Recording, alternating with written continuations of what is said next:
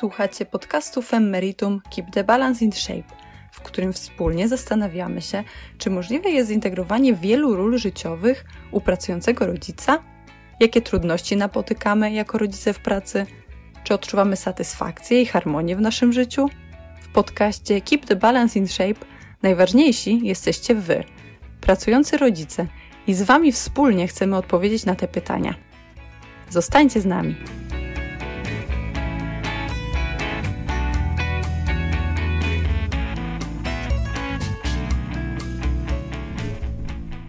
Dzień dobry, witam serdecznie w kolejnym odcinku naszego podcastu Keep the Balance in Shape.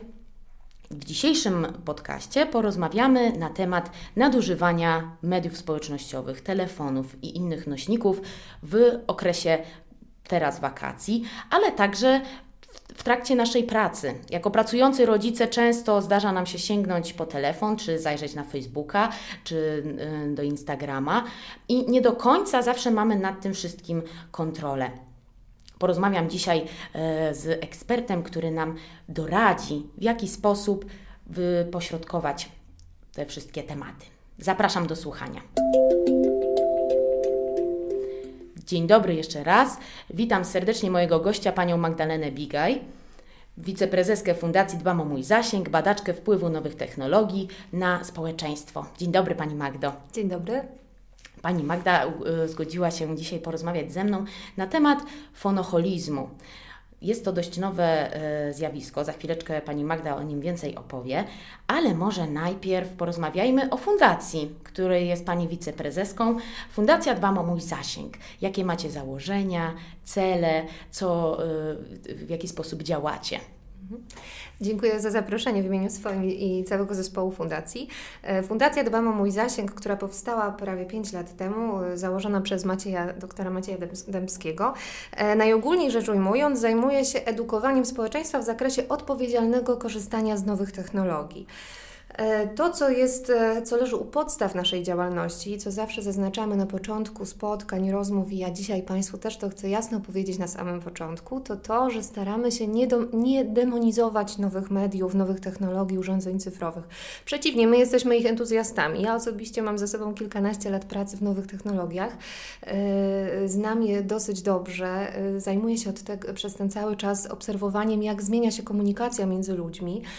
Nie ulega wątpliwości, jesteśmy jesteśmy o tym przekonani, że one wniosły bardzo wiele pozytywnych rzeczy, pozytywnych zmian w naszym życiu.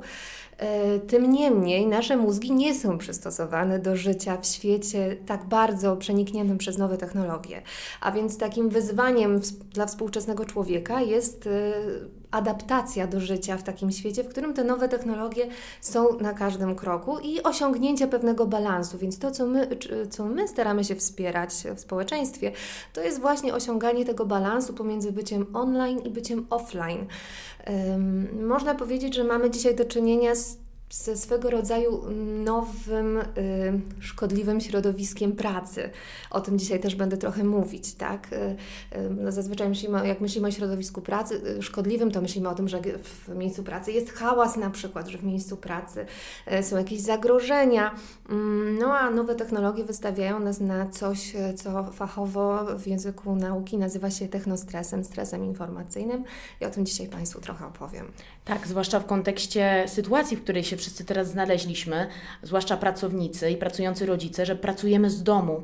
Więc nie jesteśmy e, cały czas, e, ta kultura, to bycie cały czas dostępnym, byciem online, always on, e, zaczęła nam od marca towarzyszyć i jest jej coraz więcej i też mam takie spostrzeżenie, że ciężko właśnie, nie wiem co Pani sądzi, czy ciężej osiągnąć ten balans teraz, patrząc na to, że cały, pracujemy z domu i musimy pogodzić y, różne role, ale też naszą pracę i tą dostępność? I tak, i nie.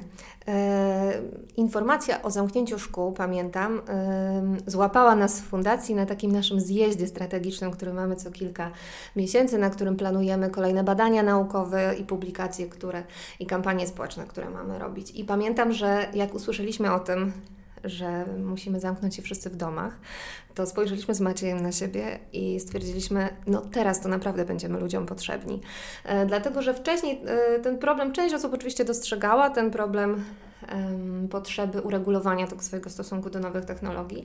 No a tutaj było pewne, że te nowe technologie teraz staną się i stały się rzeczywiście, cytując Marszala McLuhana z lat 60., przedłużeniem zmysłów. I myślę, że jeśli McLuhan wtedy mówił o przedłużeniu zmysłów w kontekście telewizji, radia, to nie miał nawet pojęcia, tamtejszym filozofom nie śniło się nawet, jak bardzo internet stanie się tym przedłużeniem z naszych zmysłów, zwłaszcza w okresie społecznej izolacji.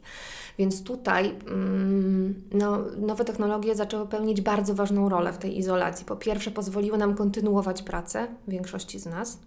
E, po drugie, kontynuować edukację naszym dzieciom. Pozwoliły nam być w kontakcie z osobami bliskimi.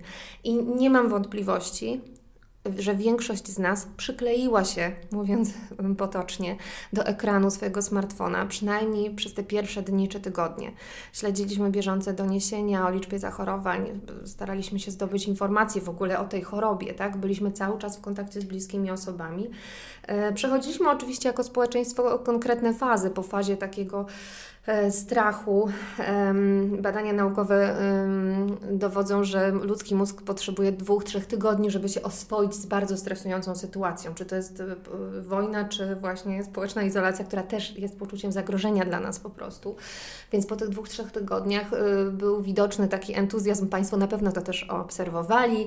Webinariów, podcastów, tak. spotykajmy się, chodźmy na wino online z naszymi przyjaciółmi, zróbmy sobie wspólną kolację z rodzicami przez ekran ale już po miesiącu, półtora zaczęło być widać te pierwsze symptomy przemęczenia ekranowego.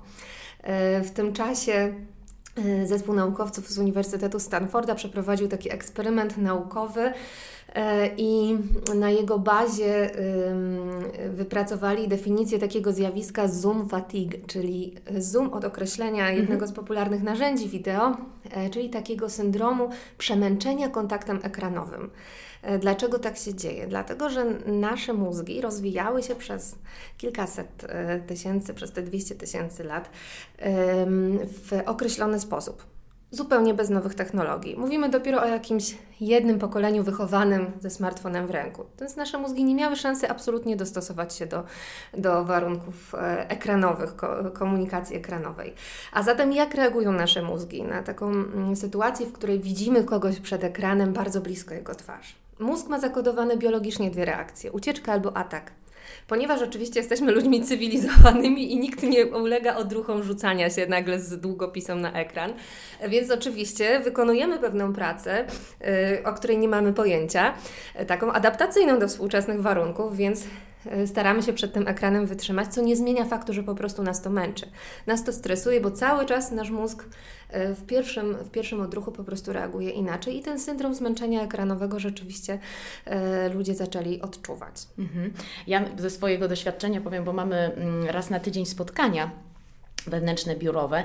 I ja po prostu nie, nie, w momencie, kiedy byłyśmy w izolacji, nie byłam w stanie aż tak się skoncentrować na tych spotkaniach. Mo, mhm. moja szefowa mówi na to gadające głowy, mm. że spotykamy się, ale rzeczywiście też widzimy to, ten przesyt i coraz więcej mówi się właśnie o takich nawet zajęciach, aktywnościach offline. Mhm. My też pracowników wspierałyśmy wysyłając y, newsletter z różnymi aktywnościami dla dzieci i też było wiele tych aktywności, żeby też wesprzeć tego pracującego rodzica. I wiele aktywności było online. Wiadomo, nie, nie można było się spotykać, nigdzie, zwłaszcza dzieci, nigdzie, nigdzie nie można było prowadzać. A później klienci i sami pracujący rodzice, osoby dorosłe, prosiły o aktywności, o jakieś sugestie, jak już te obostrzenia zelżały, offline. Więc teraz idziemy w kierunku e, właśnie higieny cyfrowej, o której za chwileczkę porozmawiamy, i takiego świadomego korzystania z mediów społecznościowych, z ekranów. No dobrze, wracając jeszcze do naszego tematu, to może porozmawiajmy o samym fonoholizmie. Mhm. Cóż to jest, Pani Magdo? Mianem fonoholizmu, który jest pewnym słowem kluczem oczywiście, umówmy się, e, łączący słowo holizm kojarzące nam się z uzależnieniem i fono od telefonu, więc słuchacze pewnie już się domyślają, że chodzi o uzależnienie od telefonu.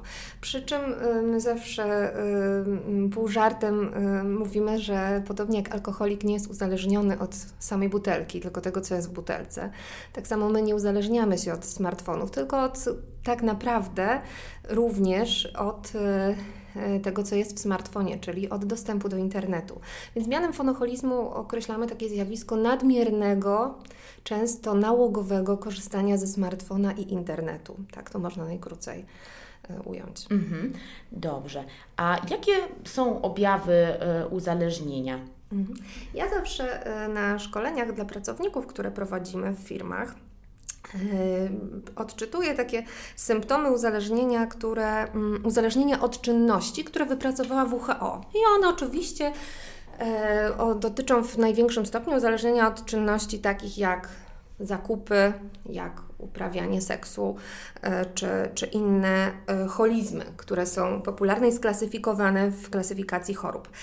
Zachęcam słuchaczy teraz, żeby sobie posłuchać o tych sześciu syndromach i przefiltrować to przez swoje doświadczenia z, interne z internetem i ze smartfonem.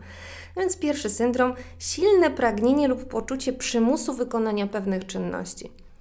Czy nie jest tak czasami, że mimo, że moglibyśmy odłożyć skorzystanie ze smartfona, to odczuwamy taki przymus, silne pragnienie, że zerknę, zobaczę, przyszedł SMS, no mogę go za chwilę sprawdzić, ale stoję na czerwonym świetle, to może przecież nic się nie stanie, jak sobie odbiorę ten telefon. E, dru drugi syndrom. Trudności z samokontrolą dotyczącą powstrzymywania się od wykonania, czyli jest nam nawet trudno się czasami kontrolować. To znowu wracam do tego kierowania offline, czyli to, że, że to jest bardzo trudne, że mamy te, ta samokontrola nam się wyłącza i sięgamy po ten telefon czasami kompulsywnie. Wystąpienie zespołu abstynencyjnego, czyli Złe samopoczucie wywołane brakiem dostępu. To jest syndrom, który Światowa Organizacja Zdrowia wskazuje przy uzależnieniach od czynności, no ale w e, przypadku korzystania z internetu, smartfona mamy e, sklasyfikowany już od wielu lat syndrom FOMO, czyli Fear of Missing Out, e, czyli takiego poczucia, takiego strachu przed tym, że coś nas pominie, jeśli nie będziemy online. Tu zespół badaczy pod e, dowództwem e, Przybylskiego przeprowadził na ten, mm, pierwsze badania na ten temat. E, my również badaliśmy występowanie syndromu FOMO wśród uczniów w wieku 12-21 lat w ramach naszego badania Młodzi Cyfrowi. I tam nam wyszło, że mniej więcej 14% uczniów cierpi na ten syndrom. Zespół badawczy z Uniwersytetu Warszawskiego, którym kierowała pani dr Jupowicz-Ginalska, również prowadzili badania w ubiegłym roku, odsyłam słuchaczy do takiego badania Polacy, a lęk przed odłączeniem, bodajże tak się to nazywa. E, I tam również ten, e, to było kilkanaście procent osób dorosłych, które odczuwają ten syndrom FOMO, czyli takiego niepokoju e, przed tym, że coś nas pominie. Oczywiście w dzisiejszych czasach trochę trudno się przed tym uchronić, dlatego że telefon dzisiaj nie służy nam tylko do dzwonienia. W zasadzie do rozmów telefonicznych służy nam dzisiaj chyba w najmniejszym stopniu. Mhm, dzisiaj prawda. jest dla nas dostępem do internetu, jest dla nas komunikatorem, ale też portfelem. Płacimy za parking, kupujemy bilety do kina, płacimy w sklepie, więc e, używamy mapy. Ja dzisiaj jadąc tutaj do Państwa na nagranie, też cały czas miałam włączoną mapę w telefonie, więc on jest dla mnie też stanowi nawigację. E, kolejny, zaistnienie zjawiska tolerancji. To znaczy takiej sytuacji, w której dla osiągnięcia zamierzonego efektu musimy korzystać coraz częściej i częściej. I teraz przekładając to na naszą praktykę życia ze smartfonem, e, jeżeli zaczynamy nadmiernie i niekontrolowanie korzystać z telefonu, to możemy zaobserwować taką rzecz, że dzisiaj wystarczy mi, że przeskroluję Facebooka 10 minut jut- i czuję, że już wiem, co się wydarzyło na świecie, mhm. ale jutro będę to już robił 15. Za kilka dni ten czas będzie się wydłużał. E, to się wiąże oczywiście z tym, o czym za, e, potem będę mówiła, o tym, jak nasz mózg reaguje na korzystanie ze smartfona, dlaczego tak się dzieje, ale na końcu jest po prostu poczucie nagrody. I teraz, żeby osiągnąć to poczucie nagrody, którego dostarcza nam korzystanie ze smartfona i internetu, my będziemy musieli korzystać coraz więcej i więcej. Tak wygląda proces uzależniania się. Więc ten syndrom jest dosyć istotny. Więc też to można warto u siebie to kontrolować. Kolejna rzecz, utrata zainteresowań oraz przyjemności istniejących przed uzależnieniem się. Czas nie jest z gumy. Więc jeśli siedzimy w internecie, no to robimy to kosztem czegoś. To u dorosłych też się, też można zaobserwować, że rezygnują z czegoś, z jakiejś innej e, czynności, ale u dzieci to bardzo dobrze widać i kiedy rodzice na szkoleniach pytają nas, to jest bardzo częste pytanie, e, a po czym poznać, czy moje dziecko nie jest uzależnione od internetu, czy się nie uzależniło, to my zawsze pytamy, czy ono w ogóle jeszcze ma jakieś pasje i zainteresowania offline, poza światem mhm. online. E, bo bardzo często jest tak, że dzieci po prostu rezygnują z wyjścia ze znajomymi czy z e, jakichś swoich pasji na rzecz spędzania tego czasu w internecie czy przed komórką. No i ostatni syndrom, czyli uporczywe powtarzanie pewnych czynności mimo bezspornych dowodów na ich destrukcyjny wpływ na nasze życie. Czyli my jako rodzice zdajemy sobie sprawę, że nie powinniśmy siedzieć, na smart, e, siedzieć w internecie, używać smartfona przy naszych dzieciach, ale i tak trudno nam się e, opanować. Jeśli coś takiego u nas występuje, e, to albo wiemy, że nie powinniśmy korzystać ze smartfona przed snem na przykład, a mimo to to robimy, no to to powinno nam zapalić taką lampkę, że jestem świadomy, że tego nie powinienem robić, a i tak to robię. Więc coś tutaj jest nie tak mhm. tak po prostu. No dobrze, dużo obserwacji, ale ten ostatni punkt szczególnie, mm, szczególnie mi się spodobał, ponieważ y, widzę u siebie też pewne, temat, y, pewne rzeczy w momencie, jak jeszcze moje mm. dzieci nie śpią, to ja jako, jest to taki odpoczynek ode mnie, że właśnie, znaczy nie odpoczynek, od, znaczy odpoczynek dla mnie, że właśnie przeskroluję sobie tego Facebooka, a oni jeszcze mm. nie śpią, czasem mnie zawołają, więc odłożę, pójdę, mm. wrócę, ale tak odpoczywam, ale nie odpoczywam. I właśnie, i to też pomogło nie, nie, nie, nie E, nierobienie tego mhm. jakoś myślę, że nie miałoby wpływu, tak, że mhm. mogłabym tego nie robić spokojnie, ale jednak robię. Nie ma też nic złego w tym, że my korzystamy z internetu yy, i z serwisów społecznościowych. No to jest jakiś element naszego życia, też zdobywania dzisiaj informacji, utrzymywania relacji z różnymi osobami. Ważne jest to, żebyśmy po prostu wyznaczyli sobie pewne ramy korzystania z tego, zwłaszcza, yy, i tutaj wracamy do tematu naszego spotkania właśnie fonoholizmu w miejscu pracy, że w przypadku wielu zawodów, ten internet jest obecny cały czas, czyli i tak już spędzamy przed ekranem, internet i ekran, spędzamy przed ekranem 8 godzin dziennie z jakimiś tam przerwami na y, obiad, czy na kawę, czy na spotkanie w pracy, ale jesteśmy jednak cały czas przy tym ekranie. Y, I to, co dzisiaj jest y, szczególnie trudne, to jest to, że mm, dzisiaj nie wystarczy wyjść z pracy, jak to mówił klasyk w Dniu Świra, odbić kartę na zakładzie, żeby wyjść z pracy.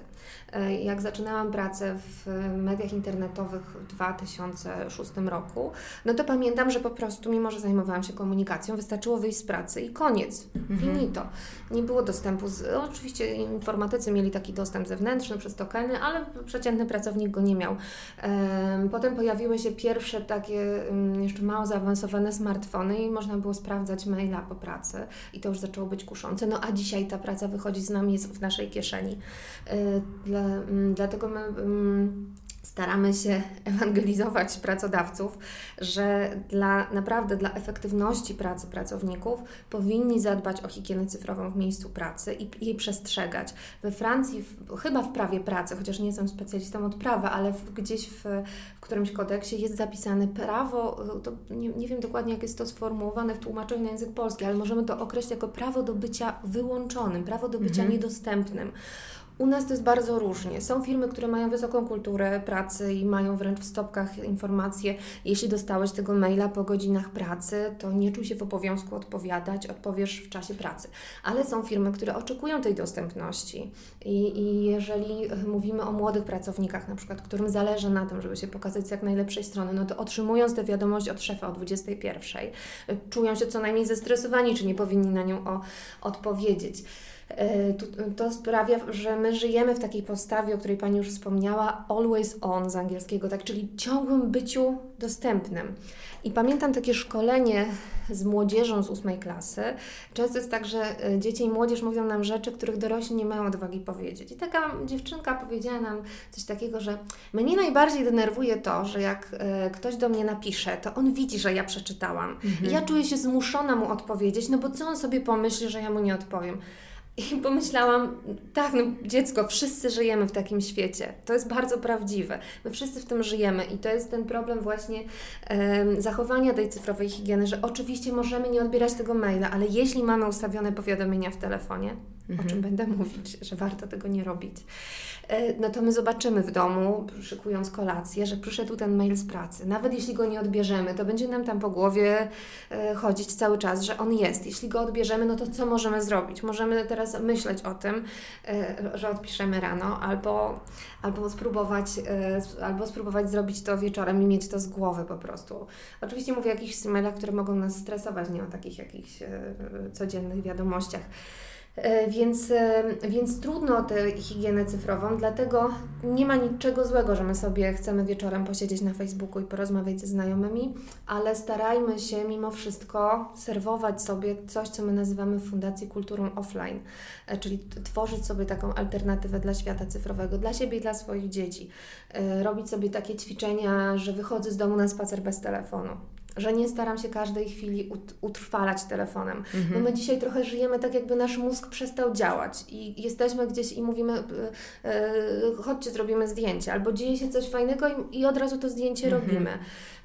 Ja się staram tego telefonu przy dzieciach nie używać nadmiernie, a mimo to pamiętam, że kiedyś mnie naprawdę zdziwiło i wybiło z takiego jakiegoś komfortu, jak moje dzieci bawiły się z tatą i nagle córka mówi, mamo zrób nam zdjęcie. Pomyślałam sobie, kurczę, czyli te dzieci widzą, że my po prostu cały czas to fotografujemy, myślimy, yy, oczywiście część słuchaczy teraz myśli, że ich to nie dotyczy, ale naprawdę są ludzie, którzy myślą, patrzą na świat przez pryzmat Instagrama, tak, czyli myślą, yy, czy ta scena będzie wystarczająco dobra na Instagrama. Widzę, ja obserwuję zawodowo ludzi, więc widzę, widzę pary w restauracji, które zamiast ze sobą rozmawiać, pozują sobie nawzajem mhm. do zdjęć, tak?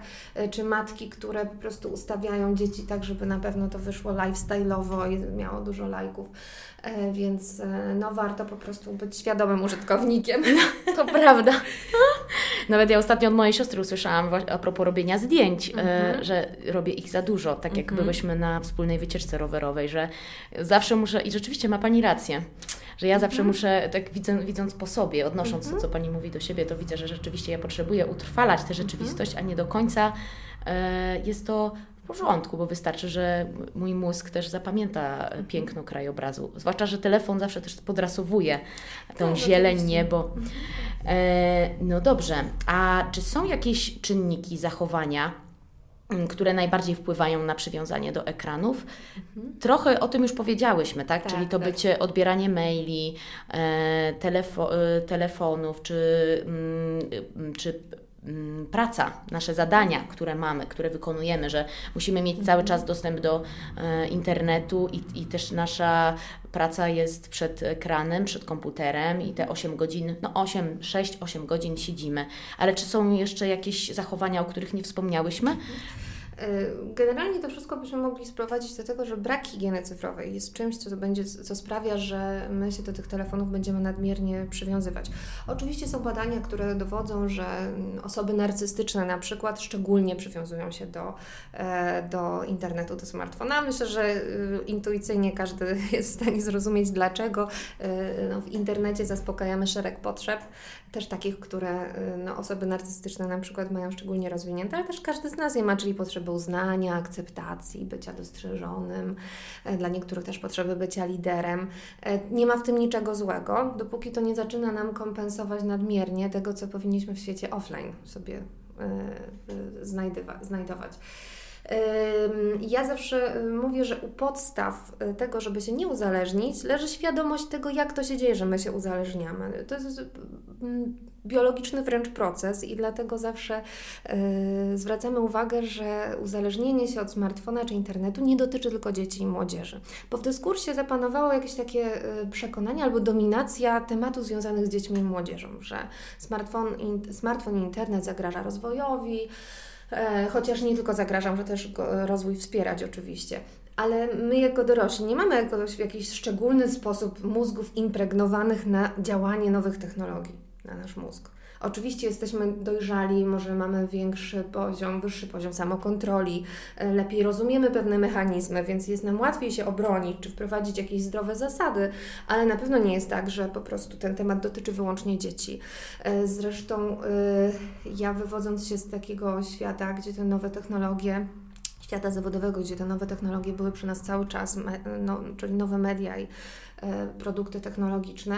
No po prostu obserwowałam to na, na własne oczy. Spotkania służbowe, na których ludzie są nieobecni, czy nawet szkolenia, które prowadziłam e, dawniej jeszcze nie dotyczące fonoholizmu, na których duża część ludzi po prostu miała otwarte laptopy albo siedziała na komórkach. Państwo na pewno, słuchacze, e, też mają takie obrazy przed oczami. No to jest po prostu nie do zniesienia. Nie ma czegoś takiego jak podzielność uwagi.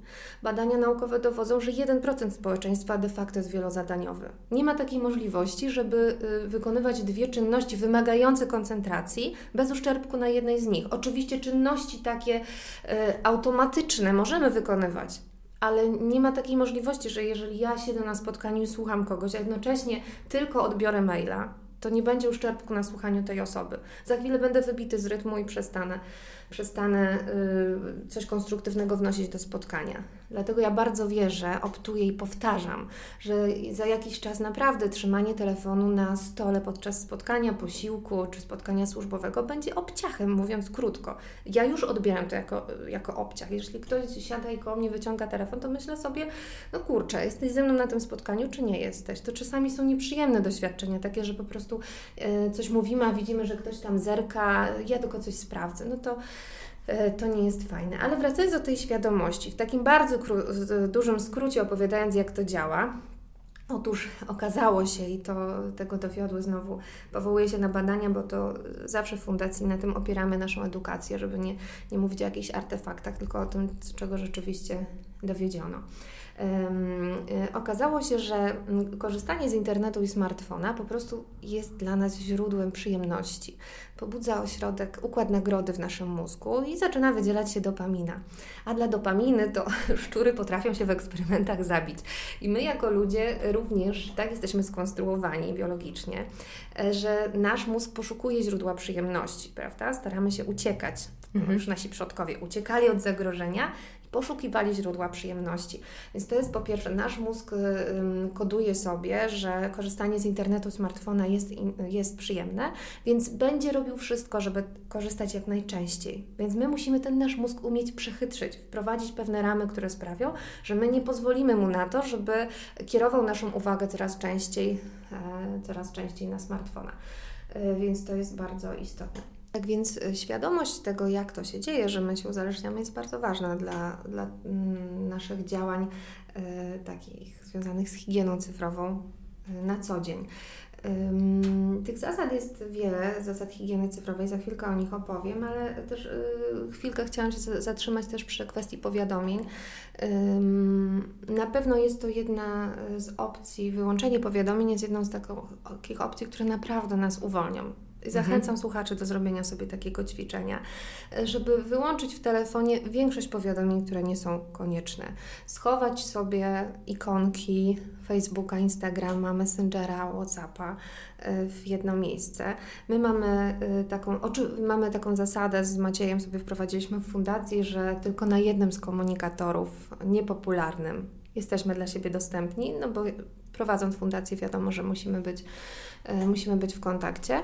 Dzięki czemu w takich dniach, kiedy chcemy się rzeczywiście wyłączyć ze świata online, wiemy, że tu możemy się znaleźć, ewentualnie do siebie zadzwonić, ale, ale e, nie mamy już tego kompulsywnego odruchu sprawdzania, klikania w tej ikonki, bo na pewno Państwo się mogą na tym złapać, że biorę do ręki telefon, żeby sprawdzić godzinę, a po 15 minutach zapominam, że miałam sprawdzić godzinę, bo już mnie wciągnął świat wirtualny. Więc e, schowanie sobie tych ikonek mediów społecznościowych e, czy wszelkich komunikatorów, wyłączenie zbędnych powiadomień. Naprawdę nic się nie stanie. Proszę głęboko oddychać. Jak Państwo wyłączą sobie powiadomienia z Messengera, naprawdę po dwóch dniach można odkryć ze zdziwieniem, że ludzie mogą poczekać na naszą odpowiedź i nic się nie stało. E, więc e, to jest bardzo uwalniające, żeby ten telefon nam cały czas nie dzwonił, nie pikał, że ktoś do nas napisał, bo dzisiaj jesteśmy naprawdę w bardzo dużym kontakcie. Nawet banki wysyłają nam powiadomienia, które nam dzwonią, tak? Więc ten, ten, ta nasza uwaga cały czas się odrywa. To nam bardzo utrudnia też pracę, bo po takiej dekoncentracji nasz mózg potrzebuje znowu kilku minut, żeby się wdrożyć w pracę. I znowu tutaj apel do pracodawców, dlatego to jest tak ważne, żeby tego WhatsAppa, czy Slacka, czy Trello, czy inne narzędzia społecznościowe wykorzystywane w komunikacji z zespołem włożyć w jakieś ramy, kiedy do siebie piszemy, w jakich sprawach, tak. Ja y, prowadzę badania na ten temat, więc rozmawiam z e, pracownikami. Mam przykład e, niedużego miejsca pracy, gdzie szef wręcz oczekuje od pracowników tego, że będą rozmawiać na takim kanale Hyde Park Freestyle, tak, czyli że poza sprawami zawodowymi będą się tam też dzielić filmami, które obejrzeli, a że ci byli na piwie, a ci byli nad jeziorem i tak dalej. No to jest absolutnie niedobre, to nie zwiększa efektywności pracy. Przeciwnie, cały czas sprawia, że tym pracownikom jest ciężko o tę higienę cyfrową i że mogą się po prostu od tego telefonu uzależniać. Także wyłączajmy sobie te powiadomienia wtedy, kiedy możemy, no i róbmy sobie cyfrowe detoksy, do czego zawsze zachęcamy, czyli taki świadom, taki, planujmy sobie taki świadomy czas bez telefonu. To nie musi być tydzień, bo to może być bardzo trudne, e, chociaż w naszych badaniach młodzi cyfrowi wielu uczniów deklarowało gotowość do przeprowadzenia takiego cyfrowego detoksu e, i myślę, że po, tej, e, po tym doświadczeniu mm, pandemii, społecznej izolacji, takiej najbardziej dotkliwej, która już mm, miejmy nadzieję, że jest za nami już tak bardzo w domach nie będziemy musieli się zamknąć, tego sobie Państwu życzę, ale myślę, że po tym doświadczeniu no to większość z nas miała taką potrzebę odcięcia się po prostu i bycia trochę poza tym światem, poza tym światem cyfrowym. Te detoksy są dla nas dobre. Można sobie je robić, trzeba je nawet sobie robić dwie godziny przed snem ale można je sobie robić raz w tygodniu, zaznaczyć sobie w kalendarzu, że nie wiem, sobota jest dniem offline, albo że popołudnie sobotnie jest dniem offline, czasem offline. Uprzedzić naszą rodzinę, że na przykład yy, słuchajcie, ten tydzień spędzam na wakacjach i nie będę dostępny. Jeżeli potrzebujecie coś, dzwońcie do mnie albo piszcie SMS-a, będę oddzwaniać.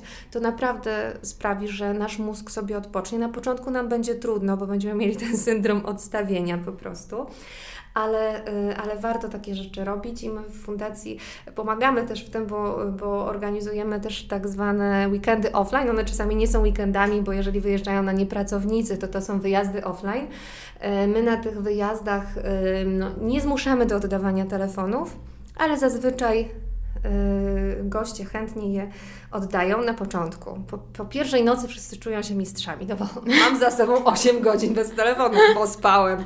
E, ale potem zaczyna się, zaczyna się trudność, no bo jestem na wyjeździe, a wrzuciłbym na Instagrama jakiś piękny widoczek, kusi mnie już, żeby sprawdzić, czy coś się nie stało. czy ktoś nie miał racji w internecie, jak to ja mówię.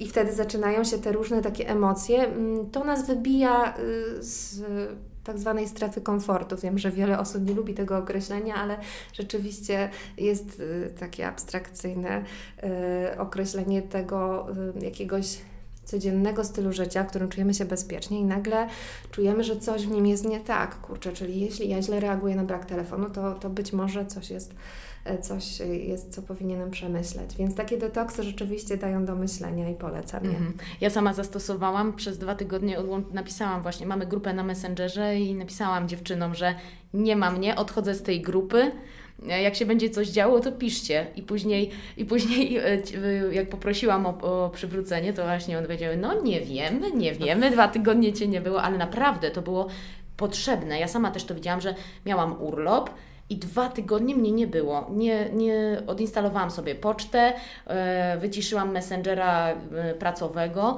i naprawdę to było potrzebne. Bo to jest potrzebne. I wracając do Pani pytania z początku naszej rozmowy o to, co nam pokazała ta społeczna izolacja, czy my się bardziej uzależniliśmy. E, pewnie są osoby, które zaczęły kompulsywnie korzystać ze smartfona, które nie odczuły tego zmęczenia, ale ja jednak mam takie wrażenie, poparte badaniami, które przeprowadziłam, prowadziliśmy w szkołach e, badanie zdalne, zdalnej edukacji, e, które Fundacja zrobiła e, z Polskim Towarzystwem Edukacji Medialnej i Fundacją Orange. Przebadaliśmy rodziców, uczniów i nauczycieli. I to potwierdza nasze intuicje. To znaczy, że wszyscy w tym czasie przeszliśmy swego rodzaju korepetycje z higieny cyfrowej, bo odczuliśmy to przemęczenie i ono było tak silne, jak ja bym to porównała do takich opowieści, jak E, się mówi, że rodzice złapali dziecko na paleniu papierosów, więc posadzili je i kazali wypalić fajkę, e, pa, mhm. paczkę fajek naraz. Więc my w czasie pandemii wypaliliśmy paczkę internetu naraz, mhm. E, zwłaszcza w tych pierwszych tygodniach i sami po prostu odczuliśmy, nasz organizm zaczął się bronić, odczuliśmy to, że chcemy tego kontaktu bezpośredniego z drugim człowiekiem, że chcemy tego wyjścia i kontaktu z przyrodą, właśnie tego takiego detoksu. I to nam wyszło w tym badaniu zdalnej edukacji. Na pytanie, czego najbardziej Ci brakuje, wszyscy odpowiadali kontaktu bezpośredniego, wszyscy, no większość. Każdym razie. E, I, I to zarówno rodzice, nauczyciele, ale także dzieci i młodzież, które wcześniej żyły trochę tak e, w takim świecie, w którym nowe technologie mm, były czymś e, zakazanym, trochę takim tabu czasami. Zwłaszcza też przez to, że wiele szkół no, właśnie demonizowało smartfon, wyrzucało ten problem poza mury swojej szkoły, mówiło, u nas nie wolno korzystać z telefonu, koniec tematu. Mhm. Załatwiliśmy problem korzystania z nowych technologii przez dzieci. Więc te dzieci trochę kojarzyły smartfony i internet z czymś, co służy tylko do rozrywki. No bo tak było, tak kończyły lekcje i mogły sobie pograć y, czy posiedzieć w internecie.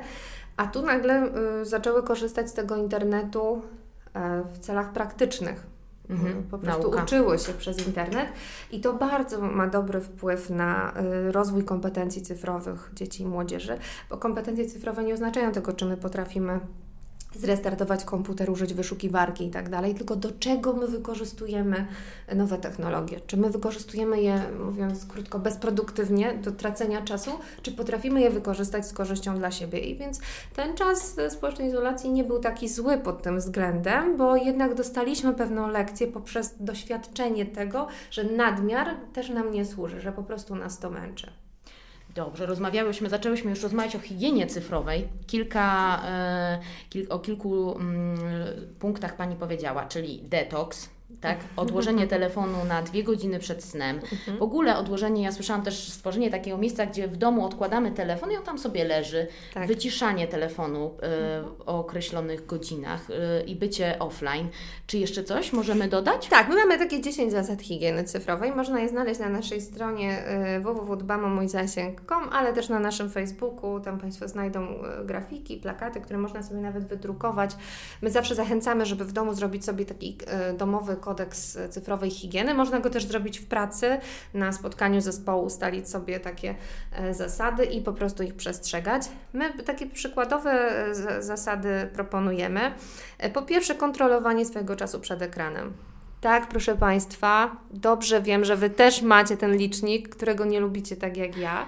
E, warto go sobie ustawić, żeby raz w tygodniu wysyłał raporty. Ja bardzo nie lubię tych raportów, zerkam tylko na powiadomienie i nie klikam głębiej, e, ale on nam pokazuje, czy w tym tygodniu siedzieliśmy dłużej przed ekranem, czy nie. analizujmy to sobie, kontrolujmy ten nasz czas przed ekranem, ustalajmy dzieciom czas które mogą spędzać codziennie e, w internecie. Druga rzecz, odkładajmy smartfon. To, o czym Pani wspomniała. I przy pracy, i w domu. W domu absolutnie jedno miejsce, do którego odkładamy telefony. Nie nośmy tego telefonu po prostu cały czas przy sobie. E, my w przypadku rodzin zawsze polecamy, żeby zrobić z dziećmi taki taki domek dla smartfona, czy skrzyneczkę taką na smartfon, do którego sobie wkładamy telefon po przyjściu. E, nie zostawiajmy go w takich miejscach widocznych. Ja z własnego doświadczenia wiem, że dopóki telefony zostawialiśmy w kuchni na widocznym miejscu, to one nas kusiły po prostu. Jak zaczęliśmy je zostawiać w przedpokoju, to zapominaliśmy o tym, że one tam leżą i nie, nie Sięgaliśmy po nie tak często. E, kolejna rzecz, wyłącz, wyłączamy powiadomienia, o tym już rozmawialiśmy. Nie róbmy wielu rzeczy naraz. Czyli oduczajmy się tego, że y, rozmawiamy z kimś i zerkamy do telefonu, gotujemy obiad i odbieramy maila. Wiem, że w czasie izolacji to czasami było konieczne, bo ten czas pracy, opieki nad dziećmi, bycia jednocześnie domowym korepetytorem i wykonywania obowiązków służbowych, on się mieszał, ale starajmy się nie robić wielu rzeczy naraz. Trenujmy swój mózg sposób analogowy, nawet głośnym czytaniem, rozwiązywaniem krzyżówek, łamigłówek, graniem w planszówki. Y, starajmy się relaksować i odpoczywać bez y, udziału nowych technologii. Czyli oduczmy się tego, co często robimy, że siadam na kanapie czy kładę się na leżaczku w ogrodzie i sięgam po internet. Ja wiem, że to jest przyjemne i ja wiem, że tam można znaleźć mnóstwo ciekawych rzeczy i że to nawet może być dla nas pożyteczne, dla, naszego, dla naszej wiedzy zawodowej, prywatnej. Możemy, ktoś o, ogród planuje, to tam się o ogrodnictwie czegoś dowie, ale y, próbujmy odpoczywać bez nowych technologii, żeby ten nasz mózg na poziomie biologicznym po prostu mógł sobie odpocząć od tego kontaktu z ekranem. Szukajmy zainteresowań poza siecią. To jest bardzo ważne, bo oczywiście wiem, że są, rodzice nam czasem mówią, no ale jeśli mój syn chce być e-sportowcem, albo moja córka interesuje się muzyką mój tworzy. Super, ja nie mówię o tym, żebyśmy im zamykali ten komputer, albo żebyśmy my przestali prowadzić, nie wiem, jakąś stronę dla hobbystów, którą prowadzimy, czy profil jakiś poświęcony tematycznie, ale róbmy sobie takie ćwiczenia, bo mówimy o świadomym oszukiwaniu tego naszego mózgu, który chce tę nagrodę dostać z internetu znajdźmy sobie zainteresowania poza siecią. I tutaj jest wspaniały przykład y, mojego znajomego, który y, ma trójkę dzieci, w tym dwie córeczki, które były zafascynowane taką grą polegającą na tym, że hoduje się konie. To jest cały świat, który właściwie zgromadził wyłącznie użytkowniczki. I tam dziewczynki mają hodowlę koni, można kupić nowe konie w stadninie, no, cały świat mhm. po prostu jazdy konnej i tak dalej. I Jarek wpadł na świetny pomysł, żeby po prostu dziewczyny zacząć do stadniny wozić. I, czyli wyciągnął je z tego świata online. One dalej grają w grę, ale to już nie jest ich jedyne zainteresowanie. One mają swojego konia, dbają o niego, trenują jazdę konną i mają ten świat e, ten świat niecyfrowy po Rzeczywisty. prostu. Rzeczywisty. Więc mhm. zachęcam do tego, żeby sobie i dzieciom znajdować te zainteresowania też e, po, poza siecią.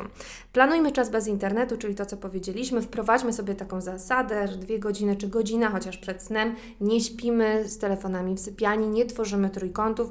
Drodzy rodzice, dzieci to wszystko widzą. I ja naprawdę, jak czasami mam szkolenia z malutkimi dziećmi, bo szkolimy, szkolimy trudno to nazwać szkoleniem, to jest bardziej warsztat, Mamy warsztaty w przedszkolach też już. Dzieci opowiadają nam różne rzeczy. To jak Państwo pamiętają audycje Dzieci wiedzą lepiej, to my to mamy na warsztatach. I tam są takie wyciskające łzy historie, że y, siedmioletnia dziewczynka mówi, że no rodzice ją biorą do łóżka do spania, ale oni zawsze siedzą na telefonach. Mhm. Albo, że ona ostatnio się, inne dziecko mówiło, że się ostatnio bała, tata powiedział, że nie może przyjść, ona i tak wiedziała, że on oglądał samochody w internecie. Mhm. Więc dzieci to wiedzą.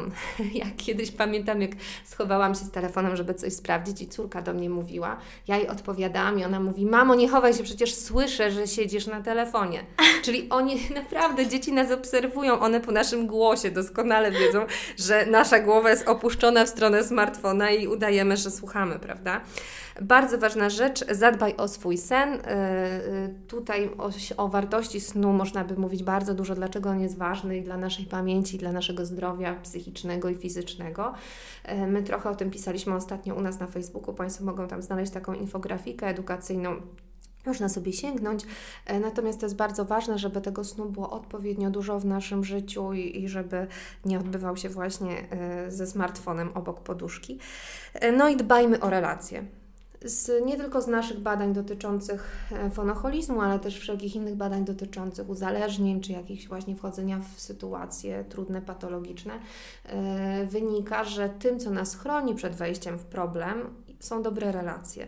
I to nie jest tak, jak nam się wydaje, chociaż finalnie potem też yy, tak może być. Nie jest tak, że to internet psuje nasze relacje. U podstaw tego leży coś zupełnie innego. Zła relacja leży u podstaw tego, że my zaczynamy wsiąkać w świat online. To dotyczy w dużej mierze dzieci, ale dorosłych również. I to na koniec taka, taka, taka refleksja. Marshall Rosenberg, twórca takiej, e, takiej metody komunikacji bez przemocy, mówi o, mówił o tym, że wszyscy mamy takie same potrzeby, tylko one są nasilone w różnym stopniu i one nie są ani dobre, ani złe. Przykładem jest na przykład potrzeba seksualna, którą możemy zrealizować w sposób dobry w relacji z obopólną zgodą, albo w sposób oczywiście niedopuszczalny, zły niewłaściwy. E, I tak samo jest z innymi potrzebami. Internet jest znakomitą strategią zaspokajania potrzeb, prawda? Potrzeby na przykład akceptacji, potrzeby bycia w grupie, potrzeby bycia e, dostrzeżonym, potrzeby uznania. No bo możemy sobie nałożyć filtr na zdjęcie i dostać trochę lajków, albo ktoś, kto gra, może tą, tę potrzebę uznania poprzez granie w gry cyfrowe zapewniać sobie. E, więc, więc jeśli, te, jeśli widzimy, że nasze dziecko wsiąka w ten internet, albo nasz partner czy partnerka w tym internecie jest, to y, zamiast wychodzić z takimi pretensjami, siedzisz w internecie, nie masz dla mnie czasu, zastanówmy się, z czego to się może bierze, bo być może on nie czuje się wystarczająco doceniony w domu, a może te relacje w domu są takie, że my ze sobą nie rozmawiamy, nie okazujemy sobie bliskości i nagle zaczynamy się zwierzać komuś przez internet, nawet jeśli to jest osoba nam znana, naszemu przyjacielowi czy przyjaciółce i zaczynamy spędzać z nią więcej czasu w sieci, bo tego czasu offline nie mamy z kim po prostu spędzić. Więc to nie jest tak, że nowe technologie psują relacje na starcie. One potem oczywiście mogą je psuć, ale na starcie zawsze jest jakaś potrzeba, którą sobie zaczynamy realizować online. Więc zachęcam do tego, żebyśmy po prostu dbali o swoje relacje bardzo wiele, bardzo wiele informacji takich wartościowych. To też y, rozmawiałyśmy o tym, że my wiemy o tym, ale nie stosujemy tego, więc naprawdę bardzo wartościowy, o bardzo wartościowych rzeczach Pani mówi. E, I może jeszcze tak na koniec czy mogłaby nam Pani polecić jakiś artykuł czy publikację nawiązującą do naszego tematu, która wesprze naszych słuchaczy yy, i tak jakby jeszcze rozwinie, pogłębi to, co, yy, o czym rozmawiałyśmy przez te mhm. ostatnie pół godziny? Takich artykułów e, i publikacji, książek pojawia się e, coraz więcej. My oczywiście rodzicom polecamy e, książkę Młodzi Cyfrowi, którą napisaliśmy z Maciejem na podstawie naszych badań Młodzi Cyfrowi, ale w ostatnim czasie ukazała się bardzo ciekawa książka pod tytułem Wyloguj swój mózg, w której autor bardzo y, przystępny, prosty sposób właśnie opowiada o tym, jak to się dzieje, że nowe technologie są aż tak uzależniające. To jest napisane prostym językiem. W bibliografii można sobie zajrzeć, na, na podstawie jakich badań e, e, autor wysuwa takie wnioski, ale całą książkę bardzo łatwo się czyta. To jest przyjemna lektura teraz na czas wakacji, także, także polecam. Gdybym miała jedną książkę wymienić, to Wyloguj swój mózg. Na pewno warto przeczytać. Dobrze. Pani Magdo, bardzo dziękuję za, e, za czas, za, za poświęcony czas, za rozmowę, za te wszystkie mm, rady, e, sugestie. Myślę, że my, jako pracujący rodzice, mamy dużo pracy przed sobą i żeby móc świadomie korzystać e, z, z tego, co daje nam dzisiejszy świat. E, i móc świadomie mm, korzystać z internetu, z telefonów i innych mediów społecznościowych. Ze swojej strony życzę powodzenia z badaniami, z działaniami, e, żebyście Państwo dalej tak prężnie e, działali, rozwijali ten temat i dalej będę trzymała za Was mocno kciuki. I mam nadzieję, że jeszcze kiedyś uda nam się porozmawiać. Ze swojej strony dziękuję bardzo. Ja również dziękuję Państwu za uwagę. Mam nadzieję, że ta rozmowa była dla Państwa przydatna. Do usłyszenia.